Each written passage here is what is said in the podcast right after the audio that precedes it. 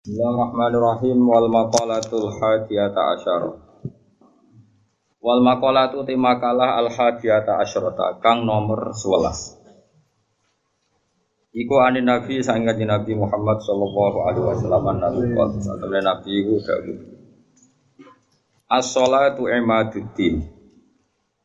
As-shalatu te salat utahe nglakoni salat utawa merjuangno salat no salat Iku imaduddin iku dadi cagak agama Wa balene malih as-shalatu te nglakoni salat utawa menengi salat utawa bela-belani salat iku imaduddin iku dadi cagak agama Ai asluhu tegese dasare din. Fakiwa mudini mongko te jejeki agama iku lae ora ana apa kiwa mudini iku ila biha kecuali kelawan salat. Jadi nglakoni salat jadi rene salat fasilitasi salat supaya kabeh. Kama annal beta kaya sak temne omah. Iku layakumu iku ora jumeneng apa bet ora jumeneng illa ala amudi kecuali ngatasé saka-sakane bet. Faya mengkote sholat tahkikun niku nahkikno. Nahkikno wujudno lil ubudiyati maring sifat kemawulan. Dengan sholat wong ketok kawula tenan sungkepan dan pangeran. Wa adaun lan nekani li haqqi rububiyati maring hake kepengeranane Allah. Lawa jami'ul ibadati utawi sekabiane pira-pira ibadat iku wasa ilu pira-pira lantaran. Iku wasa ilu pira-pira lantaran ila tahqiqi sihiha maring nahkibno rahasia-rahasia ini sholat. Terus niki kalau terangaken nggih masalah sholat imaduddin ini. Kulo niku lami sangat di pikiran niki dan ini pasti benar. Sing darani sholat itu ngelakoni sholat. Ya sing darani sholat itu ngelakoni no. sholat. Kados kulo mulai takbir ngantos salam nu jenenge no. sholat. Kemudian kita ini hidup di dunia nyata. Misalnya nak ramangan itu raiso sholat. Bahwa lemes itu ngadek kayak raiso pemenang nopo sholat. Sehingga ada wasail, wong kon mangan ben kuat sholat. Kemudian ada wasail lagi, misalnya gini ini pengono tenan. Nabi Ibrahim itu nabi yang luar biasa. Beliau Khalilur Rahman. Dia tahu kalau fisik manusia itu kalau tidak makan itu tidak bisa sholat. Sehingga beliau itu ngerayu pangeran ya Allah Rabbana liyuqimus sholat faj'al afidatam minan nasi tahwi ilaihim warsuhum minas samarat Gusti tiang-tiang Mekah utai pecinta Mekah atau siapa saja yang Islam niku paringi kelar mangan Genak kelar mangan itu ben kelar sholat sehingga para ulama juga mengkiaskan misalnya begini kalau kita tidak punya otoritas politik, maka sholat dilarang. Sehingga kita juga menjaga otoritas politik supaya sholat itu gak dilarang. Caranya gimana? Misalnya gini, saya ini buruh di pabrik milik Cina yang non Muslim. Gara-gara saya buruh dilarang apa? Sholat, karena mengganggu jam kerja. Kalau saya mampu bikin koalisi buruh menuntut hak sholat, saya harus melakukan itu. Karena itu cara saya untuk mendirikan sholat. Atau kalau ada umat Islam mampu kaya dan bisa menciptakan lapangan kerja dengan membolehkan sholat, maka harus melakukan itu demi tegaknya sholat. Makanya ini kelirunya, kelirunya kita kita. Nyongkone ngelakoni sholat itu pokoknya ini dewi sholat. Dia agak mikir bahwa untuk bisa sholat itu dibutuhkan kekuatan ekonomi, kekuatan politik. Saya tuh ngaji di mana-mana, saya ulang-ulang. Islam ke Selat Malaka itu Thailand sama Indonesia itu umurnya bareng. Cuma kebetulan Thailand nggak milih politik, negara dikelola non Muslim. Tahu-tahu sholat itu dilarang di Thailand. Indonesia kebalikan, lah kiai ini seneng politik, keterusan nganti saat ini, paham ya? Akhirnya rawali songo itu Islam lagi rong generasi. Iku wis gawe demak nopo. Wah, senatri mau sholat dilarang. Nara sholat raiso jadi presiden. Jadi saya sholat malah, oh, bupati kok ora sholat, terus arah dipilih. Gubernur kok ora salat lho ngarah dipilih. Ana cawayu salihah kok sing lanang ra bebo salat ya ora payu. Ibu keterusan paham? Tapi ini mau cerita. Jadi karena redaksinya Quran itu wa iqami sholat mendirikan sholat supaya sholat itu berdiri. Bukan kamu saja tapi seluruh negara. Dan itu dibutuhkan macam-macam tadi Ibrahim nyontohkan kekuatan politik kekuatan ekonomi bahwa untuk sholat itu harus warzubum Minas samarot harus ada materi, materi fisik yaitu orang makan. Terus di ayat umum Nabi Ibro, Nabi Muhammad dicontohno ciri utama agama wis menang Muhammad wala yumakkinanna lahum dinahumul ladzir tadolahum wala yubaddilannahum mim ba'di khaufihim amna. Ciri utama kemenangan Islam Muhammad nak orang melaksanakan Islam itu sudah ada, ada ketakutan. Disebut wala yumakkinanna dinahumul ladzir tado jadi kira-kira perasaan lo ada satu negara yang lama sekali ada Islamnya, kemudian sholat di situ takut, sama negara yang sholat tidak takut. Coro alamat untuk futuhe pangeran yang milih negara yang sholat itu udah tidak takut. Mereka Allah ngendikan wala yumat kinan nalagum dinahumul ladir tadola. Allah bikin tamkin, tamkin itu kemampuan melakukan ibadah secara netral, secara kuat. Terus wala ibad dilan nagum mimba di khawfihim amna dan mereka melakukan ibadah itu merasa aman, tidak merasa tak takut. Kayak dulu sahabat sholat tuh sembunyi-sembunyi. Pada Fatih Mekah, sholat terang, terang. Ini penting kalau ingat no. Jadi sing sufi goblok ya ben mari, ben gelem rontok politik. Sing politik ya mari, sholat tuh rambut tebar pesona. Jadi sepodo mari ini terus yang waras betok ya ujub kan nanti pikiran. ya pokoknya iki ngomong ilmu ngono ae napa, ora usah ujub-ujuban pokoknya ngomong napa? Ilmu. Ora usah terus rasa suci dhewe yo ora. Wong rom yo lagi tak kandhani iki wae Tapi yang jelas neng ayat itu jelas sorry ada kata-kata wala yumakkinanna lahum dinahumul ladir lahum wala yubaddilannahum min ba'di khawfihim amna. Jadi ciri utama agama hebat itu kalau merasa tamkin. Kowe rabi yo iso, wayo yo iso berarti wis jos ya. Beragama secara apa? Benar. Ya. Paham ya? Tapi nak wani ya pokoknya sebentar itu wani. Lho kalau di konco bojone loro telu itu langsung legal kabeh didaftarno langsung legal kabeh. Kondang tenan. Rabi langsung wakeh didaftarno ya langsung legal kabeh. Yo yo hebat tenan. Tapi kok kuat suwe ora ya nah iku takdir no. Tapi ini penting kula aturno nggih. Kula niku kan maca tarikh niku kata. Maca tarikh niku kata. Di antara tarikh itu kenapa semua nabi itu kok menguasai negara? Enggak ada nabi yang enggak menguasai negara. Nabi Muhammad pada akhirnya menguasai Mekah Medina. Ada Fathu Mekah. Karena dengan menguasai ini berarti sholat ibadah menang. Sholat ibadah menang. Kalau enggak ya dilarang. Dulu orang sholat di masjid haram itu dilarang. Dulu orang Islam sholat di mana-mana dilarang. Sampai Islam kuat, terus berani terang-terangan sholat fasta gimana wah Dumar. Di Indonesia sekarang luar biasa. Malah pejabat yang enggak sholat tuh dijeng wong. Kira-kira malah rada di. Gue bojo wong ra sholat saya kangenan. Musibat. Wes pokoknya jos. Tambah kue ketok khusuk, sawangannya tambah gampang rapi. Jajal misal misalnya Mustafa nganti yang ngecap, koyok wayah aku koyok mungkin. Lah berhubung sujute orang orang kayak kan sah tau wayah dengan baduk ini. Maksudnya geng meyakinkan kan. Koyok orang iso ngajak nih swarga lah. Pokoknya dengan rai seperti ini tuh masih itu. Coba adeknya wes abid, gue nih syarat suga abid dok ya. Pokoknya lakoni musnawani ya. Nah ini penting kalau terang ya. Makanya istilahnya wa iqamis sholat mendirikan.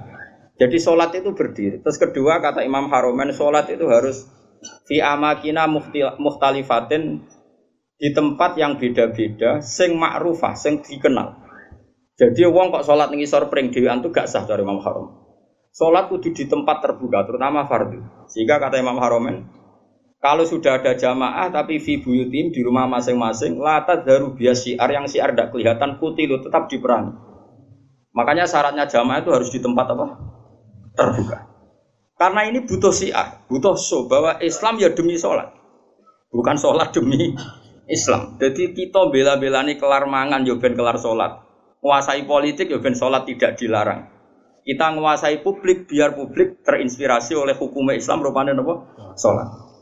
Jika kata Imam Haromen, kue sholat jamaah, maksudnya orang sah makili fardu kifayah, nak sekedar sah ya mungkin sah. Tapi jeko talahumul imam. Dan Imam Haromen mensyaratkan fi amakina mukhtalifah di tempat yang beda-beda. Jadi kalau kampung itu besar, di tengah desa harus ada jamaah, di pojok-pojok yang biasa digoni gerduo itu juga harus ada jamaah.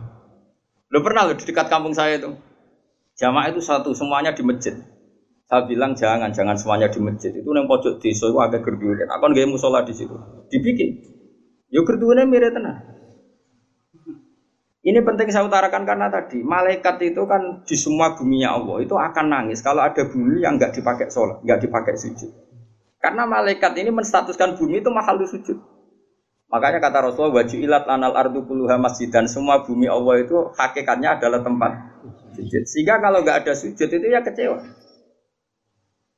Bumi ini kecewa sekali kan. Makanya harus fi amakina mukhtalifah, tempatnya harus beda-beda di mana-mana. Supaya siar. Kalau jamaah tetap di rumah, kota lahumul imam, harus boleh diperangi oleh imam. Terus ketiga, ini penting kalau terangkan masalah iqamati sholat. Sholat itu pentingnya jamaah, itu sing keliru, itu melok bener. Sing mardut melok makbul. Karena tidak mungkin kan wong patang pulau rawali kabeh. Aku ya mungkin sewa ya rawali kabeh. Normalnya itu kalau ada orang dulu era dulu, angger orang patang pulau mesti sing sitok itu wali. Kayaknya sekarang sak juta pun nggak jamin ada apa? Nggak ada wali, tapi nggak masalah lah. Mungkin zaman akhir prio, eh, kriteria wali juga agak seketat zaman zaman dulu mungkin. Masa beda zaman kualifikasinya masih sama. Tapi kan saya kira angger sebawa nasi ibad ngalor ngidul ya ini saya turunkan lah kualifikasinya saya santai.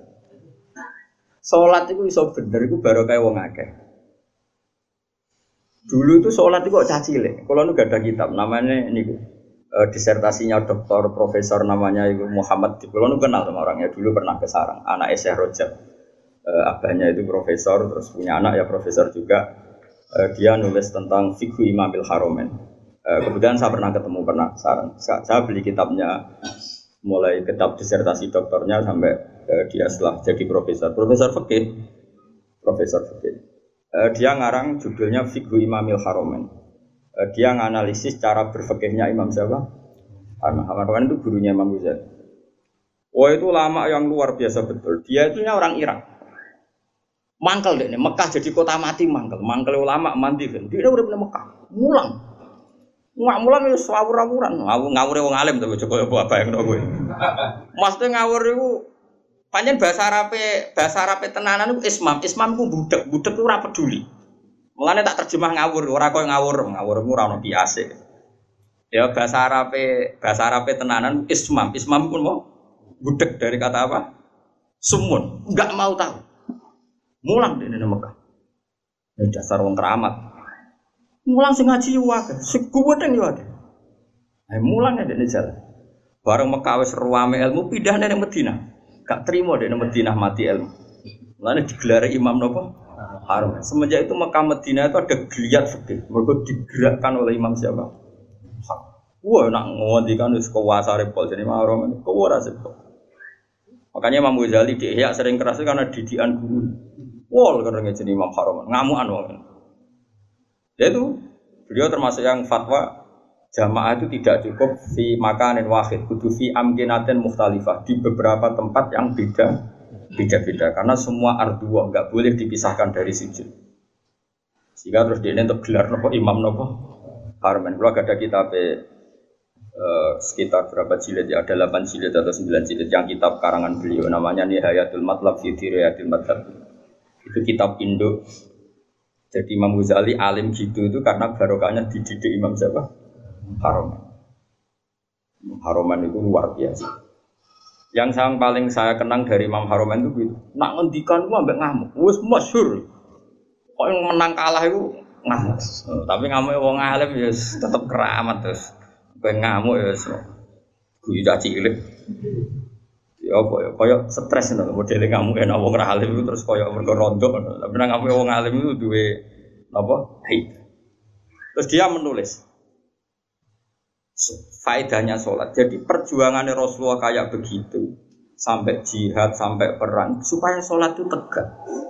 Makanya dimulai Nabi Ibrahim kita anak beliau Nabi betul ngendikannya Robbana liyuki musola supaya mereka melakukan sholat cobalah karena mereka manusia kasih uang kasih makan karena mereka kalau nggak makan nggak kuat Robbana liyukimus sholat saya bela-belain mendoakan penduduk Mekah punya uang itu mau supaya liyukimus Berarti fas sholat maksudah tujuan kita makan adalah ben kelar.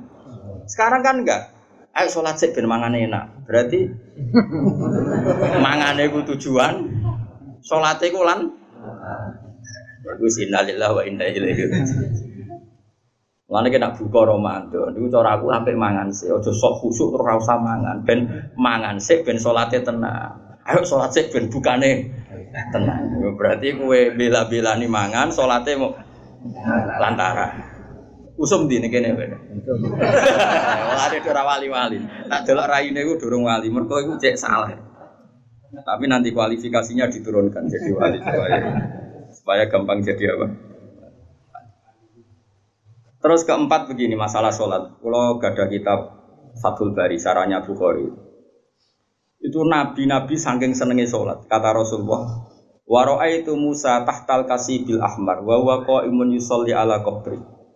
Saya melihat Musa pertama ketemu, dia masih di kuburan, di tahtal kasih bil ahmar. Ada gundukan merah dekat Yerusalem, itu sekitar berapa ya? Sekitar 6 kilo atau berapa.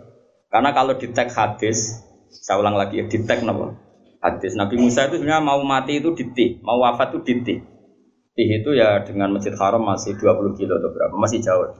Terus beliau kata Nabi Musa, Nabi itu unik semua. Ya Allah, matikan saya romyatan bihajarin ila ardil muqaddasah. Saya inginnya mati hanya selemparan batu karena dulu gak ada kiloan, gak ada meteran, ukurannya romyatan dihajarin sekuat orang melempar batu, ya sedekat itu saya mati. Ya kira-kira berapa? Orang melempar batu itu paling berapa kilo? Kira-kira Gak buanter, wong Arab loh, ojo ojo wong rom. Wong Arab wis bar mangan, ojo. Hah? Nak watu gede, watune cilik tak gede. Nak watune gede oh. Nah, jam matematika juga. Gak gak kira so. Satu meter par kan? Hah? Bro. Nah itu di situ Nabi Musa itu sholat. Kalau nanti teng makomnya Nabi Musa, makom itu tempat beliau sholat dulu. Teng kuburannya, meskipun kuburannya muhtalaf tentu. Terus di Sarafatul Bari itu gini, termasuk yang ditulis Said Muhammad dalam Mafahim Ajiban Tuhan. Rasulullah itu saking senengnya sholat ketika gini, ketika saya belum pernah ketemu para nabi kecuali pas itu kuburan di, di kuburannya sholat domun farid munfarid sendiri. Kan gak iso ngentongi jamaah mau ndak mau harus sendiri. Pas Nabi Muhammad mau ke Isra itu kan beliau di Baitul Maqdis. Semua sholat datang. Karena mereka hobinya sholat ini mumpung ada imam besar. Imam besar kaji Nabi maksudnya kok napa Pak? Kowe kok terlalu jurnalistik. Mumpung ada imam besar, Imamul Mutakin itu, yang di tarhim-tarhim itu loh. Uh, di tarhim-tarhim kan diterangkan loh, yang ada tuh musola-musola yang masih pakai tarhim itu. Watakot dam tali solati. Fasolah wa antal seperti uh, terus watakot dam tali solati terus wal antal apa? Imam. Kemudian para nabi datang, kamu maju dan kamu menjadi apa? Imam. Itu Nabi sebelum Mi'raj itu kenangannya para nabi ya sholat. Jadi semua nabi datang ke Baitul Maqdis itu hanya apa? Untuk sholat. Mumpung ada ya Imam al-Muttaqin, Imam al-Mujahidin. Imam besar, ahli jihad, ahli takwa. Itu semuanya gitu, semuanya demi sholat. Singkat cerita ketika Nabi mau kabundut, saking senangnya sholat itu ketika nih, saya apal tagnya. Saya ini mau meninggal, kata Nabi. Dan saya melihat para Nabi itu sholat di kuburannya. Kata Nabi ini, Wa ana akromu Allah. Dan saya terlalu terhormat. Saya ini terlalu terhormat di mata Allah. Untuk membiarkan saya tiga hari meninggal, kemudian saya tidak sholat. Jadi pastikan kalau saya terpaksa mengalami masa-masa kecelok mati mayat, maksud kecelok ya tentu tidak mayat hakikatan karena semua nabi itu ahya, semua nabi itu hidup. Umpama aku kecelok ngikuti prosedur umumnya wong sing kecelok kabundut, paling banter mau tolong Aku ku izin ya pangeran, terlalu terhormat pangeran. Kok aku terus nih kuburan, kok amen turu mati terus sholat. Jadi Nabi cita-cita terbesar beliau setelah meninggal pun itu mau melakukan sholat. Wa anak akromu ala setelah, setelah saya meninggal gini, walam usol ibadah salasin. Kemudian saya ada sholat setelah masa tiga Ya masa tiga hari mungkin itu pilihan Nabi karena mau tidak mau harus mengalami proses peralihan alam ya. Tapi tetap cita-citanya itu sholat. Nah saya kira gue iso sholat udah spring susu. Nah, ya Allah, ya Allah. dan sampai sih urip besar. Terus keempat, sebaiknya imam sholat itu yang paling alim, paling akrok, paling benar. Itu awal-awalnya. Tapi nanti kan terus kayak seleksi KPU. Misalnya Mustafa, wis iki jenggoten wis sunah Rasul tua wis bener. Tapi engkau tajwidnya kalah mbek Ki Fuad. Ki Fuad misalnya tajwidnya bener kalah sepuh mbek Pak Hudi. Nanti kan iso seleksi kan ribet. Sajane apik aturan itu tapi dengan sini ribet. Terus Ruhin menang. Wah, ra iso sing paling parah pangeran jare Nabi wong fakir. Wah, sesat barakah. Wah, repot. Dulu itu sholat itu memang diseleksi betul. Karena ya umul kaum akro umul kitabillah yang paling berat imam itu yang paling akro, yang paling afkoh, yang paling asan, yang paling agam hijratan difke kan ada aturannya. Satu yang paling bacaannya benar, benar tok harus tahu apa maknanya. Karena kalau nggak tahu maknanya itu kalau wakaf itu fatal. Ya fatal tuh Pak. Misalnya orang wong wacanane api terus wakafnya gini, Inna wohala yastahyi terus wakaf. Ayo prono. Mulane wong-wong sing korek suarane apik boyo do tobat, belajar maknane Quran. Kadang wakofe iku fatal. Ya ono sing wakof ngene misale. Apa itu innama yastajibul ladzina yasmauna wal mauta. Berarti artinya terus piye? Dadi sing nampa dakwahe pangeran iku wong Kulo niku cara pantes, wae ngarang bapak kofasol, tapi wong kira-kira do angel bali lo rugi. Jadi yang keliru di Indonesia ini kritik saya terbuka pada yang belajar tajwid hanya makhraj. Sebetulnya dulu definisi tajwid itu udah hanya makhraj, termasuk ma'rifatul wukuf wal wusul. Makanya nenggone jazariyah wa ba'da tajwidi kalil hurufi la min ma'rifatil wukufi. Jadi wakaf itu inti tajwid, tapi sekarang wong muni ahli tajwid itu maknanya makhrote toh. Wakaf asal jeblok sehingga ana wong wakaf indah wa la yastahi. Ya prono. Tapi zaman sing so sempurna itu so, ya sudah sing tompo ae, sing zaman akhir tompo ae.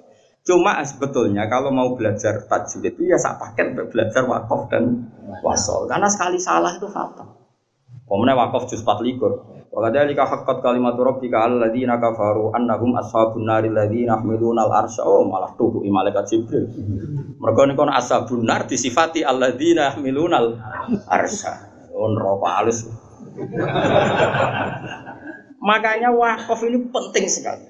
Lho kula nu ada kitab karangannya Hasan bin Hadi Asegaf. Saking judulnya kitab Al Jauharul Masun fi Qiraati Qalun, eh, qiraahnya Nafi yang riwayatnya Qalun. Sampai saking dugane Habib Hadi Hasan bin Hadi Asegaf. Itu orang-orang sadat yang terkenal ahli qiraah. Sampai ngedikan gini, saya ngapal kitabku nem wakaf tok dakhalal jannah saking mangkeli wong wis belajar roh tok nem sangka wakaf. Iku dakhalal. Lah aku iku apal ketan. Jadi potensi swarga itu tinggi lah karena enam wae swarga. Puluhan mungkin ratusan. Karena ya tadi fatal. Kalau tidak tahu itu fatal.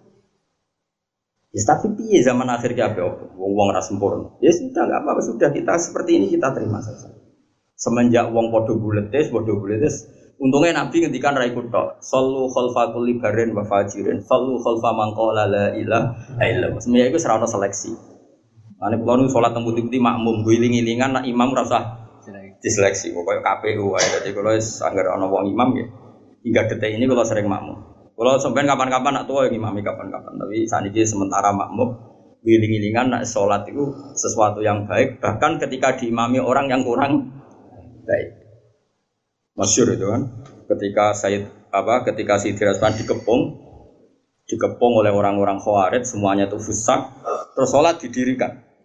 Ketika sholat didirikan karena orang soleh-soleh itu dikepung, dimami mubtadi orang yang sangat berdua, sangat berdua, arti mau berdua, sangat berdua Bahkan orang yang imam ini termasuk orang yang menghendaki Husain terbunuh. Apa? Said Utsman terbunuh. Orang-orang baik di dalam gedung termasuk Sayyidina Utsman, Said Hasan bin Ali, terus ada Abu Hurairah, ada beberapa itu. Terus ketika sholat didirikan itu ada yang usul ke Sayyidina Utsman. Ya Utsman, apa engkau membiarkan mereka ngimami sholat sementara mereka berdua-berdua itu? Jawab Sayyidina Utsman lucu. as-salat ahsanu ma ya'malun nas. Ini ada di Bukhari. Fa idza ahsanan nas fa ahsin ma'hu. Salat itu perilaku terbaik manusia. Kalau mereka sedang sholat kan sedang baik ya sudah nggak apa-apa kamu makmum. Setidaknya pas sholat itu sedang baik. Saking arifnya Sayyidina Usman. Makanya sama makmum juga bolak balik. Setid setidaknya pas sholat itu pas waras. Lah aku pas beto beto ya pas rata tuh. Pas sholat Pak Mustafa itu pas sholat ya tanduk. Tapi nak pas turu ngaji ya rata tanduk. Jadi sementing itu pas sholat itu kearifan. Aku lo mak ngomong mak ngomong bolak balik, kecewa ya bolak balik tapi adas. Mulane kula nu mantep, kula mantep dosa kula di sepuro, kula husnudzon be pangeran. Wong pangeran dawuh anak idadzoni abdi. Kula nu zaman melarat, saiki lah orang juga tapi kula niren tuh melarat di bangsa iki. Moro Jogja niku beto kerdus. Kalian santri kula kali. Kula riyen zaman melarat tuh di santri. Jadi sepakat kiai, jadi melarat lah yo.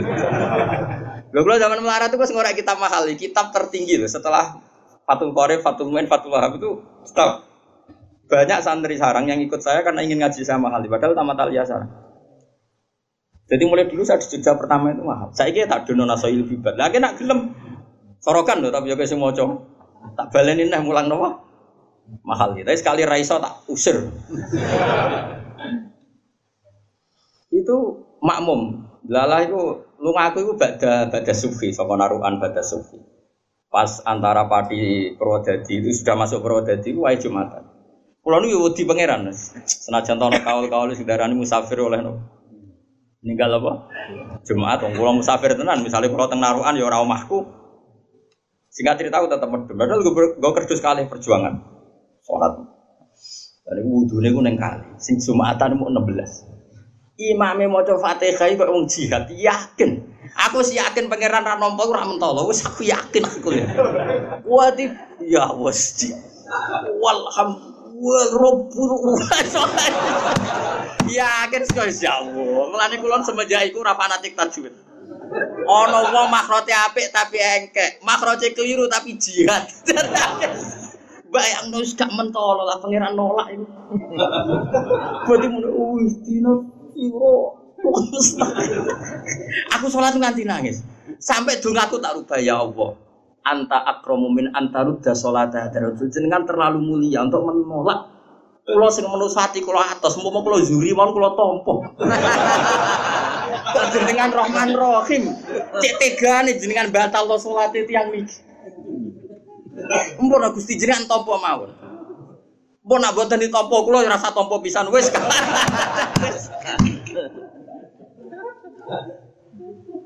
Insya Allah. Tapi kalau tetap wajib no makhrot ini mau cerita, kira usah melo-melo, ya terus sensitif.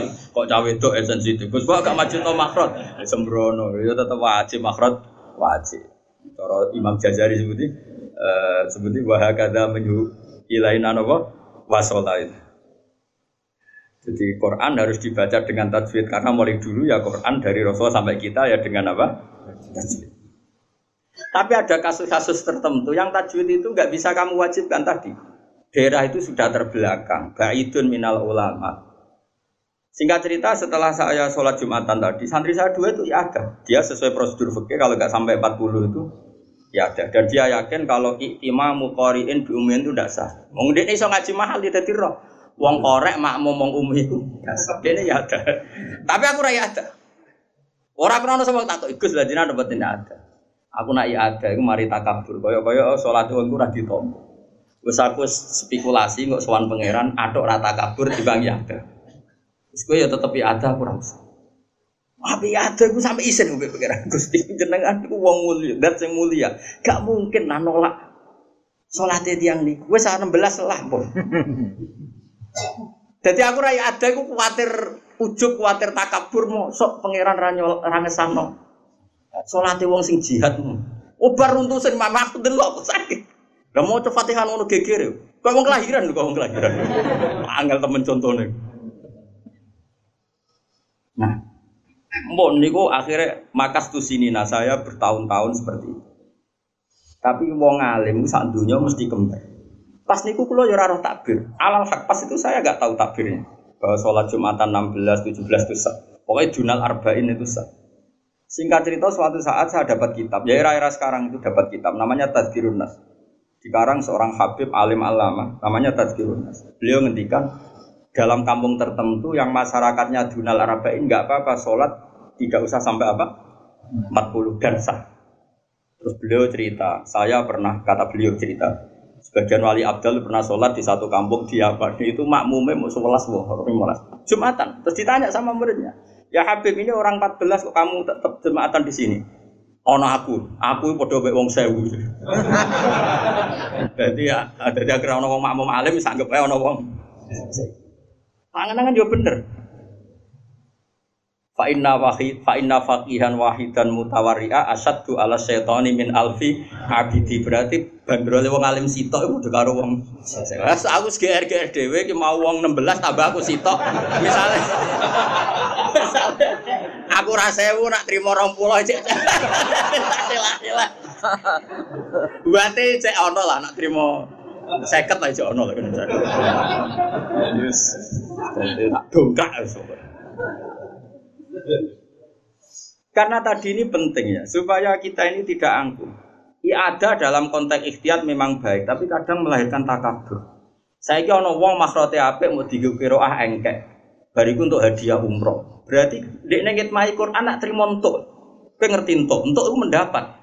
Ya toh. Tapi aku ora muni haram loh. Ono wong kira ae wapi, makhrote apik. Engkek juara kira ah paling untuk untuk umroh diundang presiden, diundang menteri, amin kiro aneh kabupaten, entah entuk. Imam masjid iki wacane keliru, tapi mungkin pendiri masjid, mungkin si digoyi wakofan tanah. Dekne macane Quran rafaseh tapi memberi ke Islam. Tanah diwakaf nogo masjid. Nunggu nih masyarakat 16 gawe masjid. Dia pendiri Jumatan pertama di kampung situ. Gak tahu untuk pokok Islam.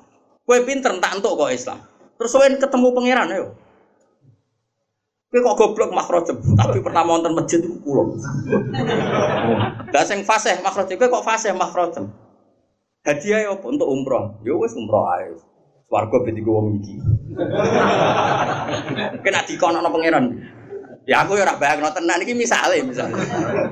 Saiki ciri utama ngitmai Islam ngekeki tantuk ayo jawab. Ayo jawab. Ngekeki yunfikun. Mulane kula kadang dadi wong alim isin perkara ini. Lho kula mboten sombong, kula sering nyetak Quran nganggo dhuwit kula. Ya sebagian diuruni donatur, sebagian dhuwit. Mergo kula isin, kula wis sering disalami template yang sehingga saya harus pernah memberi Quran. Di puluhan juta, bukan satu juta orang. Karena saya malu sering mendapat dari Quran, saya harus memberi. Kalau kono kita puang nganti lali jumlah, saking saya ini biasa kecil wong alim untuk salam template, masa saya tidak memberi? Karena tadi, sing untuk ganjaran itu memberi yunfikun itu memberi aliyatul ulya khairum aliyadis. Nah tapi nak aku misalnya Quran waca tenanan, juara lomba untuk umroh, untuk penghormatan. Ya ora haram, nak harame ora kan. Tapi ke wani ketemu pangeran hubunganmu mbek Islam mentuk kowe wani. Nak wani ya monggo. Mana kula niku jauh Gusti wani siap. Kula dikonco goblok bolak-balik kula ya wedi gara-gara apa? Goblok, yang ngaji nih goblok, is goblok asli asli goblok. Tapi neng kampungnya itu pendiri masjid. Tanah yo ini imam pertama yo ini nak cerita be aku. Traweh tak tili iku ping 8. Lah kowe iku Muhammadiyah TNU ya, anu traweh kok 8. Alah Gus, Gus. Malah pertama ditus Gus ngaji papat ya rapo wis penting. Lah Gus Naji tetep wong alim. Gus lho. Wong alim keras lah tetep. Cuman Gus Naji. Gak apa-apa papat sih walu tapi niatnya aja terawih. Pokoknya Ramadan be orang kena bedanya. Jadi pertama gaya terawih terus muda walu, muda rolas. Ini tak tili wis rong pulau. Goblok. Tapi pendiri masjid. Kue pinter di sewa masjid kabupaten untuk servis ayo untuk peti lah kaman. Yo nak api ya api wong siar. Lho kula ya seneng Kang, tetep ana wong fase maca masjid obaten seneng. Kowe aja darane aku drengki, kula ora potongan drengki. Tapi nak dekne ku mau luhur ngerasa penting kanggo Islam tak protes. Banyak di dunia sana orang yang memberi Islam. Yo mikir. Kadang sing bodoh memberi kita men ya, menerima. Kalau suwon, nah saya ibadah itu biasa wae. Akhirnya bocah itu santri kulo, nanti dari kulo tentang Jogja, wami dari kulo. Kalau nanti saya nak sholat ya makmum beden, aku yang menikah. Aku anggap mau dari Gus, kulo mulai tentang Jogja bertahun-tahun kulo nak sholat mam. Gus sekali-kali jenengan imam kula. Aku wis imam, kowe nak mau ngaji mbek aku. Mosok imam kok bola. Sekali. Dadi kowe sampeyan ku keren. Keren tau ngimami wong alim dadi ono keren. Jadi kok Mustafa ya Gus kok jare sapa alim. Tak salat makmum aku. Utawa ngene lah, Mus. Salate ku anut aku. Rukuke wae ngenteni aku.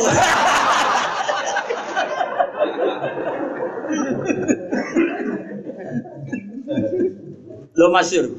Jadi sahabat sing kasih imami Nabi mau sitok jenenge Abdurrahman bin Auf sinten? Abu Bakar pernah pengen imami kami kan gak sido masyur Nabi gerah salat nang masjid di imami sinten? Abu Bakar. Pas Abu Bakar mentakbir dengar ada suara Nabi terus Abu Bakar tak akhoro mundur terus Nabi akhirnya maju. Tapi Nabi maju pun sempat ngendikan e, memberi isyarat ankum maka anak kamu di situ saja. Yang kasil pernah jadi imam sukses Abdurrahman bin Auf dan ini jarang masyur. Abdurrahman bin Auf itu di perjalanan di Rasulullah banyak orang. E, Nabi itu kan fanatik awal waktu sehingga ketika Nabi nggak ada juga entah cari apa itu. Sholat masuk terus sholat. Sehingga Imam Abdurrahman bin Auf setelah dua rakaat Nabi datang diterus nawa. Makanya dengan ilmu hadis ana naduman walam yusol lil Mustafa khalfa ahad ilabna aufin walahul fadlul abad. Rasulullah itu gak pernah sukses jadi makmum kecuali makmum Abdurrahman bin. Walahul fadlul abad. Gara-gara itu punya keutamaan sing selawas-selawas. Mulane Abdurrahman bertakwa wong, pas kira tahu imami kaji. Aku tahu. sukses pisan nganti salam. Ya ditakoki, lha kok ya roh Nabi ra. Ya roh. Jadi ya ada sahabat itu. Nah, Abu Bakar kan terlalu sopan, jadi mundur. Abdurrahman ya sekali-kali. Cara Jawa kapan meneh. Makanya ada hati saudara walam yusol lil Mustafa khalfa ahad ilabna aufin walahul fadlul abad. Rasulullah nggak pernah sholat makmum sukses sampai salam kecuali di belakang Abdurrahman bin Wah, orang Nabi cek sugeng ya keren Mustafa. Terus kembali lagi ke sholat jamaah fadilahnya. Dulu sholat itu kok cacile, cacile itu ya cacile. Mulane kula ngaji teng putih-putih cerita. Nah ana cah cilik nyelip imam ku barno iku niru sahabat radhiyallahu anhu. Dadi dhisik iku salat tuh kene iki, Pak. Sampeyan lah ya termasuk ini cerita yang fikhu Imamil Haromen. Saya baca itu pertama ya di fikhu Imamil Haromen. Jadi misalnya Mustafa ini, Mustafa Jenggot ini, Mustafa Khusyuk ini, ya Mustafa ini, Mustafa ini. Itu hebat atau ratunan. Aku yakin Khusyuk Rukin. Wow, Khusyuk Rukin. Mau nganti lemu tawakalnya lu berdua. Jadi jari Imam Syafi'i itu orang nong mlebu swarga lemu iku cepet. Wong mlebu swarga iku nak lemu kangelan. Kecuali Sito Muhammad bin Hasan Sibani. Ulama lemu semenjak itu ulama lemu gak apa-apa. Satu ulama sing lemu Muhammad bin Hasan Asyibani masyhur. Liyane ku ruwah. Semenjak itu seorang ulama lemu terus gak niru ulama niru lemu. Di sini sholat ngene kan. Jadi misalnya Mustafa makmum. Yo no Rasulullah, Rasulullah pasti ku sugeng. Rasulullah dan imami. Terus Rasulullah sudah rokaat ketiga, keempat. Fajar aja ini orang datang. Terus tanya dengan isyarat. Tadi sudah sholat berapa? Fa'asharu ilaihi angkada. Sudah empat rokaat. Lalu terus takbir diselip. Jadi Rasulullah jadi diselip. Jadi misalnya Nabi kok istakiyat akhir. Allah Akbar. Yo terus rokaat ula, rokaat sania, rokaat saja disebut nganti menangi Nabi tahiyat akhir. Jadi saya sholat tuh model gue. Kok Nabi salam ya melok salam. Jadi kok caci le, badanku kok caci le cilik. Mulane caci le sing model ngono iku salah no iku niru. Jadi sholat modifikasi masbuk model ini iku model baru. Jadi rodok bid'ah lah modelnya. Walhasil Rasulullah itu dibiarkan oleh Rasulullah dibiarkan berjalan berbulan-bulan dibiarkan. Pokoknya yang ana wong salat karek takok Nabi mau piro dijawab lho isyarat. Ya wes terus takbir. Saleh. Terus kaya wong awam-awam ngono ya. Ning didi wong awam ngono ya. Nyelip apa? Imam. Engko nek loro ya wes terus ngikuti rutene ritme ya. Sembrono tenan. Itu berjalan. Suatu saat ada Mu'ad, Mu'ad itu terkenal afqahus sahabat, termasuk sahabat yang terkenal ahli fikih, masyhur. Terus Mu'ad ini bikin model baru. Dia datang, ya tanya juga sama sahabat, Nabi sudah berapa rakaat? Dijawab dua. Ya sudah, nanti Mu'ad terus takbir, terus langsung ikuti Nabi. Ngikuti Nabi karena dia terkarek apa? eh, terlambat berapa? Dua rakaat. Kemudian setelah Nabi salam dia nambahi dua rakaat. Dan itu muat yang disalahkan orang banyak karena bid'ah ya hal baru itu bid'ah. Nah, setelah itu Rasulullah ngerso. Cara Jawa kok rame-rame ono apa? Ini muat bikin model baru ini. Model, model baru itu yang yang kayak kita sekarang itu model. Akhirnya Nabi Nabi benarkan muat. Ya begitulah yang benar kok kayak oh, muat. Terus Nabi sebenarnya itu dengan man adroka imam nggak ada terus ikuti saja terus nanti ikut apa menambah kekurangan. Semenjak itu terjadi model sekarang. Itu pun kita bisa barokahnya jamaah. Apa barokahnya? Coba orang-orang masbuk yang di kota-kota kan gak tahu ngaji takrib, gak tahu ngaji muin. Kok iso nambahi masbuk? Mergo ono sing kancane sing nyontoni. Kancane nyontoni. Kancane ngerti-ngerti bener. Padha ora roh ngajine tapi ujuk-ujuk. Iku barokah jamaah. Nggih betul. Ngomong awam kan yo iso ngaji, tapi nak nambahi masbuk kan bener mergo roh. Mulane kiai barang kesunatane kadang tahu karek ben nyontoni carane masbuk malah kiai ini ora tau karek. nah kiai wis bener terus karek lah bener gue nyontoni carane masbuk. Lah nek kiai ora tau karek sing nyontoni masbuk pertama kok caci lek bau terus? Main salib. Paham? Ya, jadi lengi-lengi mulane ngaji. Ya, jadi Rasulullah saking senengnya sholat.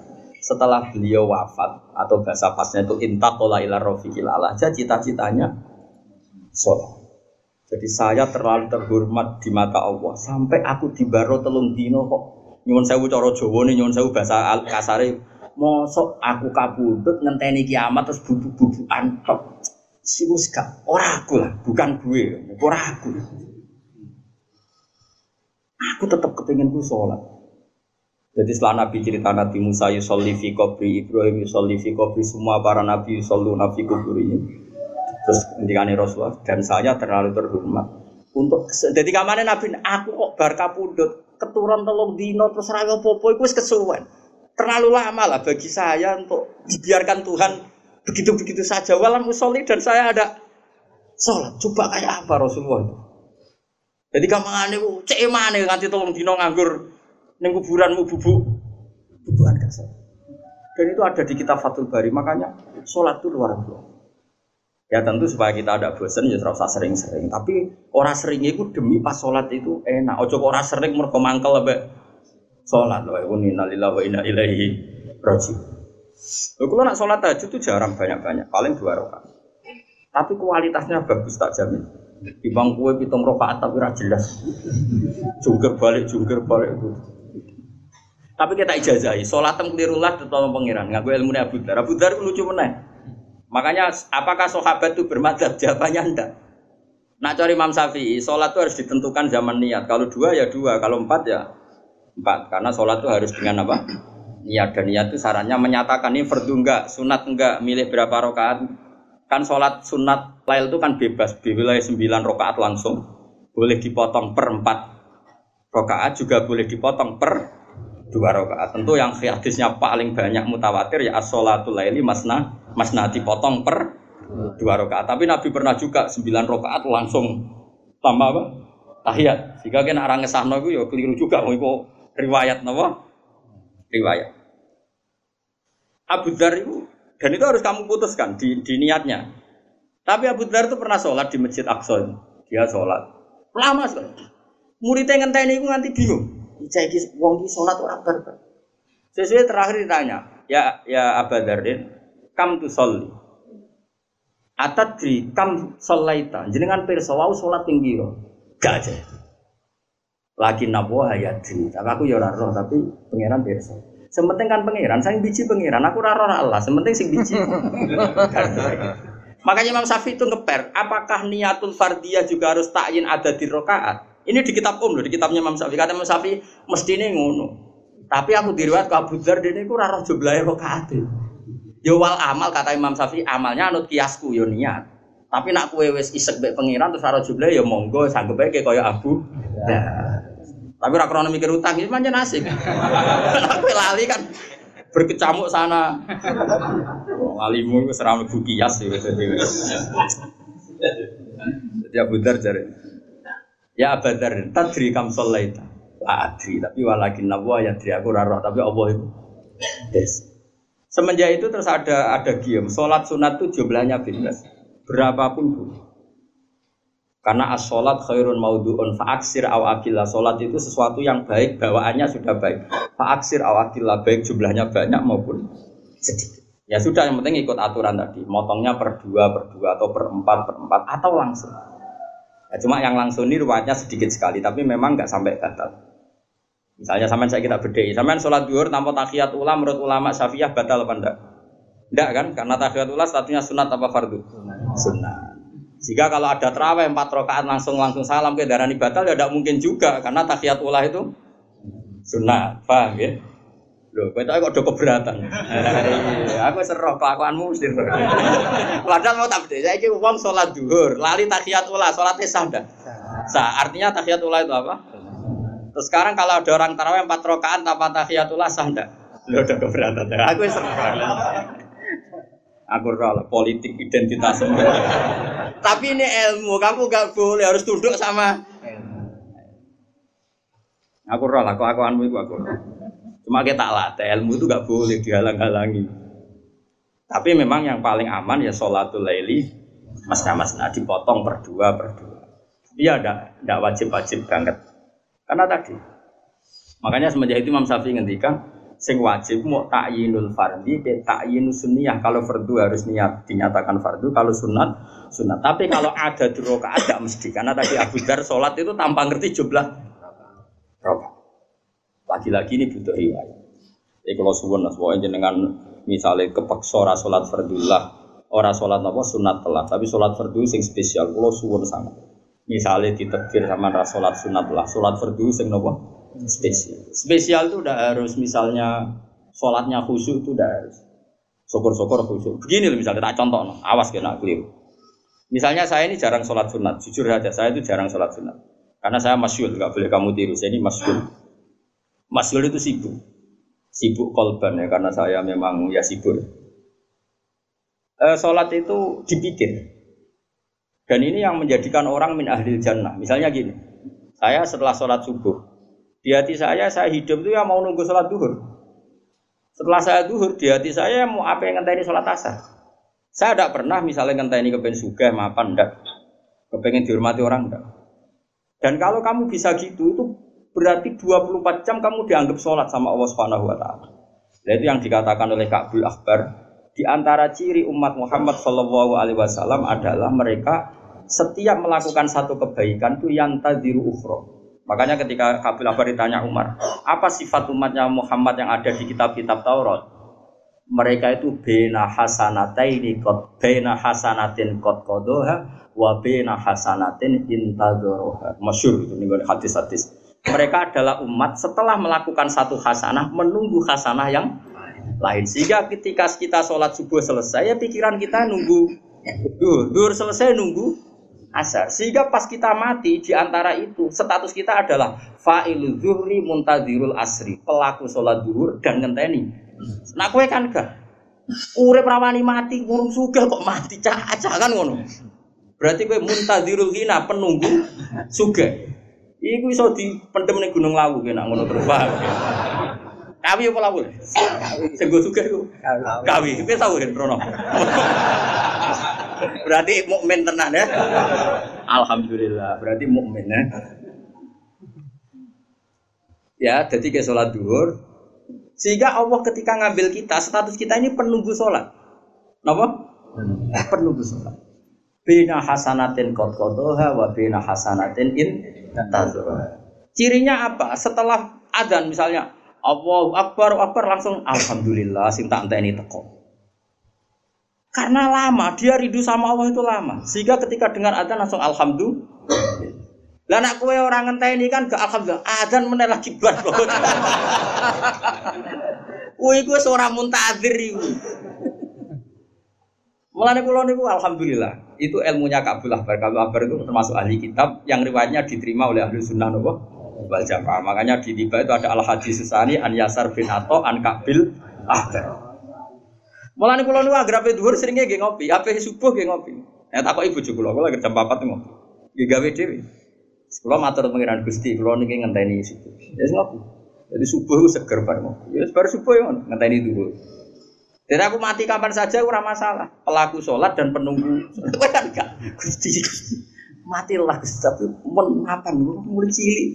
Mengarang. Mau penunggu sugen. Itu kesunatannya di bedem gunung dia. Kau iya. Ya oke tawar. Jadi khusyuk itu udah harus pas sholatnya. Semua persiapan kita demi termasuk dahar. Masyur itu Nabi ketikan. Ida wudi atil asya wa hadaratil isya faqad dimil asya. Kalau kalian malah ya. Ida hadaratil asya. Ya, wa uqim ida hadarat apa ida apa asya wa hadaratil isya faqad dimil apa asya Kue nak wis kadung disiapno mangan malam, kemudian ono adzan isya. Kamu harus makan dulu. Itu pun demi nenangno sholat. Begitu juga takjil ning Ramadan. Nganti disunatno takjil ben sholatnya tenang. Jadi semua orientasi hidup kita, bahkan kita makan saja demi nenangno sholat. Berarti kan kamu menjadikan sholat ini al maksudul azam, tujuan Meskipun kayak pas sholat mungkin standar-standar saja. Tapi kan 24 jam otakmu itu berkecamuk ambek misalnya lagi ketiga misalnya begini. Saya misalnya kan sering pergi. Setidaknya gue sarong, jagani nak menon najis ning dalan iso apa salat. Lagi gue sarong ngalor ngidul senajan to kok salate ya standar wae, tapi gue salor ngalor ngidul pangeran yo ngapresiasi. Mau demi enak menono najis e salat. Ojo kok sok lunga plang-plang gak gue salin bareng ning terminal Semarang ngono iku aku roh bolak-balik terminal Semarang wis potensi najisnya tinggi banget saiki dibangun. Unak jari kanca-kancaku dhisik ala Gus ora usah salat ini hormatil waktu lang kok baleni padha wae. Mosok ada santri sing beli-beli ku mbah salat apa? Dihormatil waktu cari alasannya rugi kok wajib balik. Coba banyak orang Islam nak lunga iku nggawa sarong nggawa klambi sitok. Senajan tuh nak sholat biasa-biasa wae, tapi sarong mbek klambi digowe tang-eteng demi jagani. Kok nak najis iso?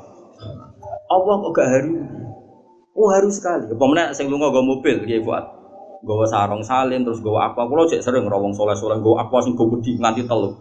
nih kok nak dakhalati salat ning gone pedalaman tetep iso. Kulo sering anu kiai alim, dia butuh nggak afwan. Mergo jagani iso. Kayak gini kan orientasinya semuanya untuk sholat. Lah iki misale salate biasalah tetap spesial karena semua perbekalan demi untuk Paham ya? Jadi saya ulang lagi, jadi khusus sholat itu bentuknya anda harus pas sholat khusus. Yaitu bagus syukur-syukur seperti itu. Buktinya Allah menilai orang munafik juga termasuk cara ngadepi sholat. Itu disebut wa idha qawmu ila sholati qawmu usala. Ketika sholat ambil berangkat dari arah sarasan, itu dianggap munafik. Berarti pra sholat juga dihitung. Berarti sama, kita kok ape sholat tenanan, berarti dihitung mu, mukmin. Bukan ape sholat tenanan. Awang munafik apa sholat? Ku salah rasa. Mana kalau suwon dilatih lah, anak lungo itu yang bawa sarong. Setidaknya bayang no sholat itu, bayang no terburuk pakaian kita nanti najis di jalan, tetap bisa nopo. Tapi aja krono was was, berbar lungo nih bis ganti, no sarong. Iku, ya ono sing Nek debu, suwanti, nek debu, kewanti, nanti lungane ku sak kerdus sarong. Nek iku ra was was. Ya Allah, kalau roh konco kulo was-was ya Allah. Sedina ngubah sarung itu. Sampai bingung dia ngadepi. Jadi kan orang tahu salin sarung ambil sholat. Ben aku ngerti nak pangeran nompo. Lah kok ngerti guys? Saya pangeran karuan dawu anak intadoni abdi bi mantep putih ya ditompo. Lah mantep pemurah paling ya ora. Saya jadi mikir, wah asmane Gus. Asmane piye ku hadis sok Itu khusuk tapi balel. Hati sokan. Ya eling-eling ya dadi kama anal beta yaqumu ila ini kan bulan Muharram pokoke kenangan kula mulang nerangno napa salat sampai Rasulullah itu gak ikhlas nak sare ning kuburan lama-lama mau demi apa nang salat niku wonten teng Fathul Bari. Faki mamudini kula sarana apa kiamudini ku ila kecuali kelan salat kama anal beta. Kaya dene sak temne omah ila yaqumu raji meneng apa ma ila alamuti kecuali ngatasé cagak-cagak itu. Faya mengkote sholat itu tahkikun nyata anu rubiyati maring sifat kemaulane penuso. Wa ada onan nekani di hakiki rubiyati maring hak kepengirannya Allah. lawa jamu ibadati utai sekabehane kabeh ibadah wudu ya demi salat kowe mergawe tuku klambi ya ben kena dinggo salat engko kowe kelar mangan ya ben iso salat wa jamu ibadat iku kabeh wasail iku mok lantaran ila tahqiqi sirriha maring nahqiqno mujudno tenan sesuai hakikat rahasia rahasiane napa? Salat